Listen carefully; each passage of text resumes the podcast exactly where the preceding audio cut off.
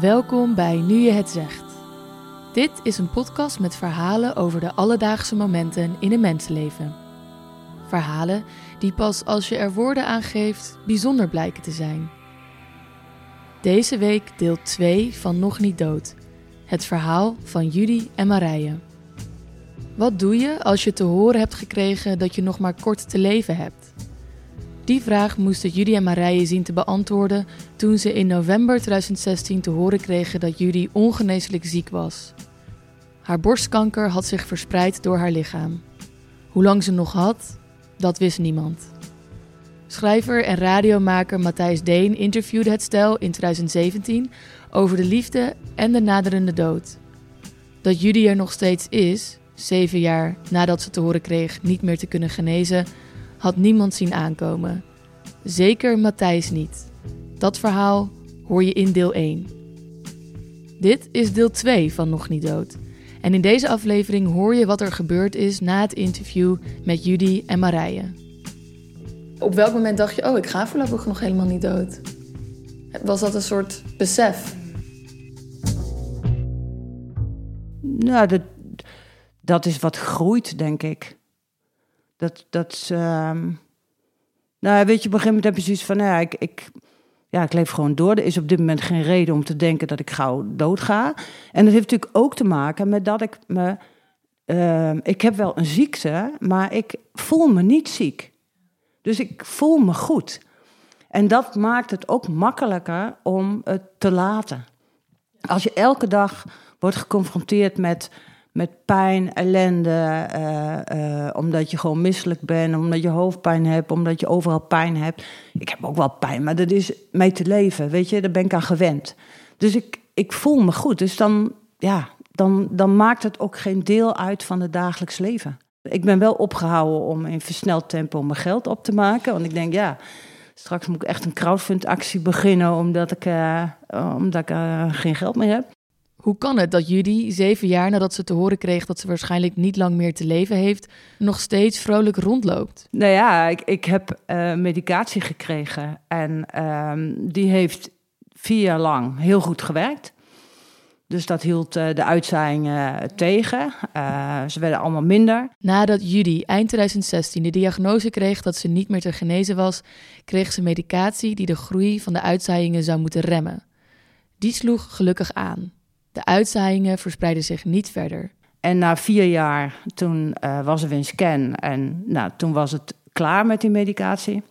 Ze namen alle uitzaaiingen weer uh, toe. Nou, dat is wel heel erg uh, schrikken. denk je van, oh, oeps. En toen die medicatie minder ging werken, wat gebeurde er toen?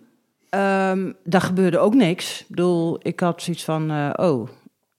Ja, je weet dat dat op enig moment gaat gebeuren.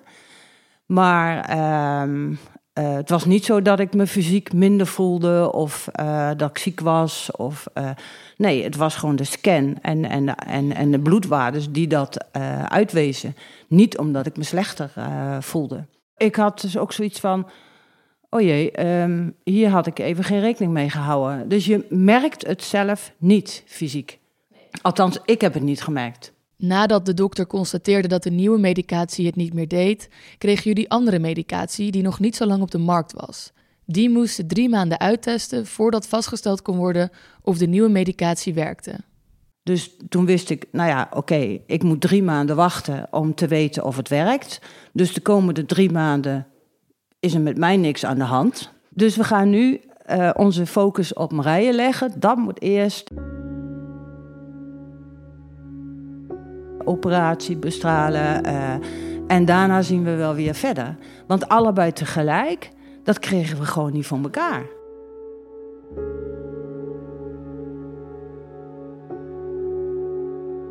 In januari 2021, twee weken voordat Judy te horen krijgt dat haar medicatie niet meer werkt en ze dus meer uitzaaiingen heeft, krijgt ook Marije een schokkend bericht. Ik kreeg een oproep volgens mij voor uh, borstkankeronderzoek, uh, regulier. En uh, ja, dat is ook allemaal heel maf. S ochtends was hier uh, de huisarts geweest om afscheid te nemen. Ze stopte met, met, ging met pensioen.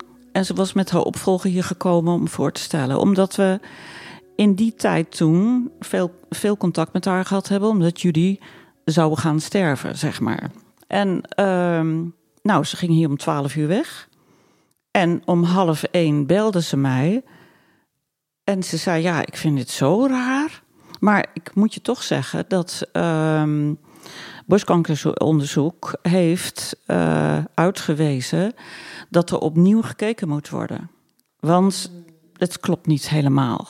En uh, toen uh, bleek dus ook borstkanker te hebben. Nou, dan is het protocol nu, althans voor deze vorm en de plek waar het zat, opereren. Hm. En gelijk bestralen, 15 keer. En twee weken later hoorde ik dat dus die medicatie niet meer werkte. En toen hadden we even zoiets van: oké, hoe gaan we dit nu handelen? Want dan loopt even alles in de war. Want dan heb je dus alsmaar geleefd met het idee van: oké, ik ga eerder dood. Ja. En uh, nu hadden we in één keer zoiets van: oh jee, maar het kan dus ook zijn dat jij eerder dood gaat. Uh, dan draait in één keer alles. Uh, Op wat voor manier dan? Wat draait er dan? Nou ja, weet je dat ik, ik, ging, ik droomde dat ik dus bij die kist van Marije stond en een verhaal hield en tegen mensen zei van ja. En we hadden allemaal gedacht dat het andersom zou zijn. Hoe, hoe was het voor jou dan om, om in, ineens aan de andere kant te staan? Bijzonder.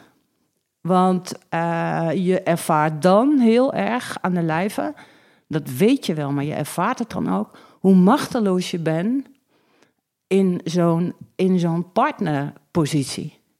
Je kan het niet veranderen, je kan er niks aan, je kan het niet voelen. tot nu toe was ik altijd degene die het zelf kon voelen.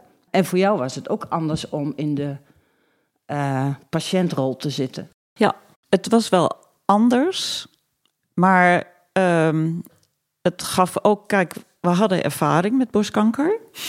ja, dat klinkt, maar het was wel zo. Ja, ja, en daaruit wist ik ook, um, het kan lopen zoals het met jullie gelopen is. Snap je? Ik heb het goede voorbeeld naast. Het hoopvolle voorbeeld. Ja, ja. Uh, dat scheelde.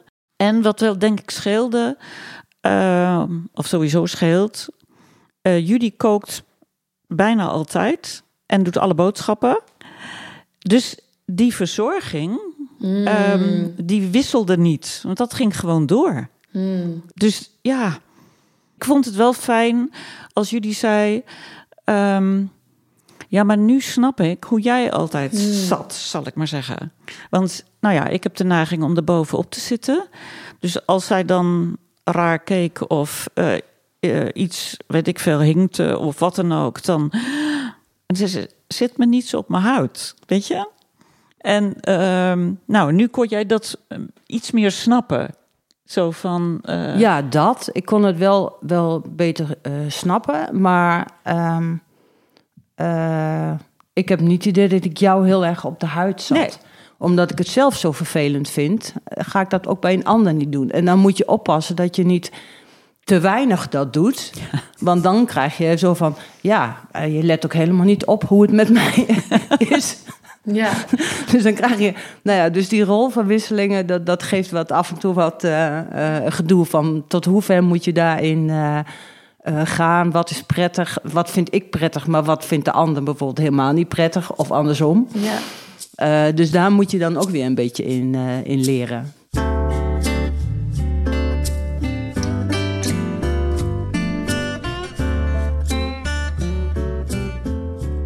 Als we erop terugkijken, dan heb ik ook zoiets. Oh ja, dat was er ook nog, zo tussendoor. Oh. Weet je? Het is ja, ook omdat, ook wel een deel om wat jullie zegt. Um, het heeft geen beperkingen opgeleverd.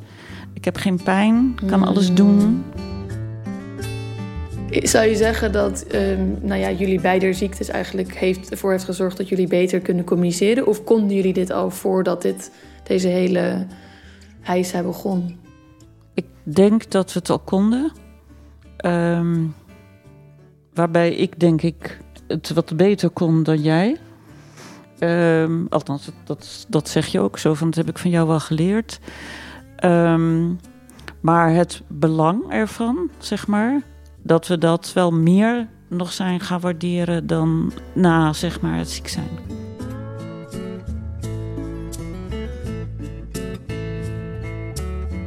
Goedenavond. Ik ben heel trots dat ik uw krul mag zijn in de staart. Het eerste gedicht is een liefdesgedicht. Het heet Twee Hazies. Wij zijn twee hazies op hetzelfde pad. Ja, je moet zorgen dat je uh, zo lang als kan de weg samen blijft lopen. Ja. Dat is, uh, de, we weten van, kijk, op het moment dat duidelijk is, hè, dat een moment komt dat je zegt van, oké, ik ga nu de weg naar de dood in en jij de weg naar het alleen zijn in, dan gaan die wegen zich splitsen. Dat is nu niet aan de hand, dus je moet die weg samen uh, blijven lopen. En dat vraagt gewoon energie, tijd, ehm, ervaring, ehm, ja, soms zware gesprekken, ook hele leuke dingen. Jij komt je huis uit, ik kom mijn huis uit. We slalommen de stad door. Onze fietsen buigen lekker mee alsof ze plastic knieën hebben. Ik de hoek om, jij de hoek om. Oh, de school staat met zijn voet te teppen waar we blijven. Maar ik zei het, hazies zijn wij op hetzelfde pad. En heb je dan wel eens gehad dat, dat je denkt... hé, hey, ik ben hier nu aan het lopen en ze, loopt achter me. Ze is nog, ze is, ik moet even wachten op de ander. Of, of, uh, het gaat, of, ik, of, ja, ja, ja. of de ander gaat te snel. Ja. ja, of dat je denkt dat de ander uh, uh, naast je loopt... en dat blijkt dan dus niet zo te zijn. En hoe kom je daar dan achter? Dan moet degene die achterloopt dat zeggen. Ja. Want je weet of de ander moet omkijken. Ja. Uh, in woorden, hè? Moet omkijken in woorden. Of, nou, ik bedoel, het gaat natuurlijk niet letterlijk, maar of de een of de ander moet, moet het uh, signaleren en dan kan je het erover hebben. Ja. Zie je mij? Daar zie ik jou. En jou hoor, onze oren schieten recht uit onze kop. Onze ogen lichten op en onze tongen, ja, die frommelen naar voren. Onze monden uit, ze groeien naar elkaar. Ze haken om het puntje en zo hou ik jou, jij mij, een dag lang op hetzelfde pad. Zo doen wij dat. Ik zei het al, twee hazies.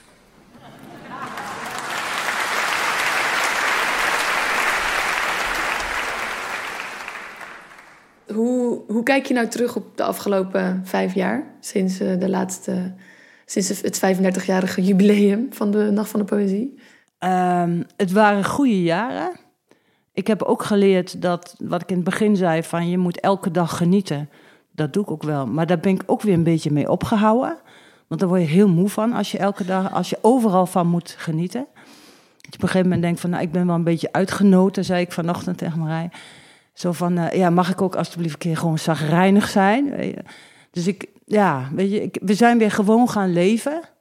En we zien wel wat de toekomst uh, uh, brengt. We zijn nu zeven jaar verder sinds ik weet dat ik uitzaaiing heb. Uh, daar had niemand gedacht dat, dat ik nu nog rond zou lopen. Ik denk van ja, als ik zeven jaar lang bezig moet zijn met ellende, dat schiet niet echt op. Ik bedoel, ik heb zeven jaar geleden dacht ik van ja, mijn pensioen ga ik niet halen. En nu denk ik van, oh, ik moet toch eens even op mijn pensioenoverzicht gaan kijken. Want dat begint nou toch in de buurt te komen. Ik hoop um, dat we het vermogen om ermee om te gaan en erover te praten, dat we dat niet verliezen. En ja, ik ben ontzettend blij dat we die vaardigheid, um, dat is ook niet iedereen gegeven, dat we die hebben, maar dat we die ook, um, ja, ik zeg maar, getraind hebben. Het is niet zo, weet je, sommige mensen zeggen, ja, dat moet je ook wel kunnen. Dan denk ik, dat is zo. Je moet, maar je moet uh, er ook hard voor werken. Maar je moet het ook doen. Ja, je moet het ook, um, nou, misschien wel door pijn soms heen, of denk ik, durf niet. Ja, dan toch maar te doen en, en uh, ook naar elkaar. Zo van, ja, maar dit is niet plezierig.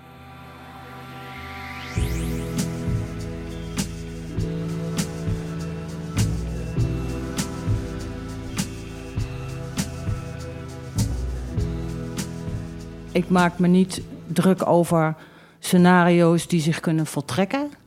Maar ik ga me er pas druk over maken als het daadwerkelijk aan de hand is. Want anders ben ik daar de hele tijd mee bezig. En denk van ja, daar heb ik helemaal geen zin in. En, en er verandert dan niks, behalve dat mijn leven niet leuk is. Omdat ik daar steeds mee bezig ben. Dus ik heb zoiets van ja, weet je, als het op een gegeven moment... Ik weet nu ook van, ergens komt er een moment waarop uh, die met deze medicatie ook niet meer werkt. Maar ik weet niet wanneer. En dat, Dat weet kan. niemand. Dat kan over twee maanden zijn. Het kan ook nog twee jaar duren. Of drie jaar. Dus dat heeft helemaal geen zin om je daar nu druk over te maken. Dus ik denk van ja, weet je, tegen de tijd als het zover is, is het vroeg genoeg om me druk te maken. Dit was Nu je het zegt, een podcast van Ilvu. Mijn naam is Bianca Schrijver en ik deed de redactie, productie, montage en mixage voor deze aflevering. Research door Sophie Kok en eindredactie door Gijs Wilbrink. Muziek is van Tim Meijer. Veel dank aan Judith ten Haven en Marije Lubbers voor het openhartig vertellen van hun verhaal. Heb jij ook een alledaags verhaal te delen? Mail dan naar post.ilfu.com. Dat is post apenstaartje ilfu.com. En wil je de volgende aflevering niet missen? Abonneer je dan nu op deze podcast in de app waarmee je luistert.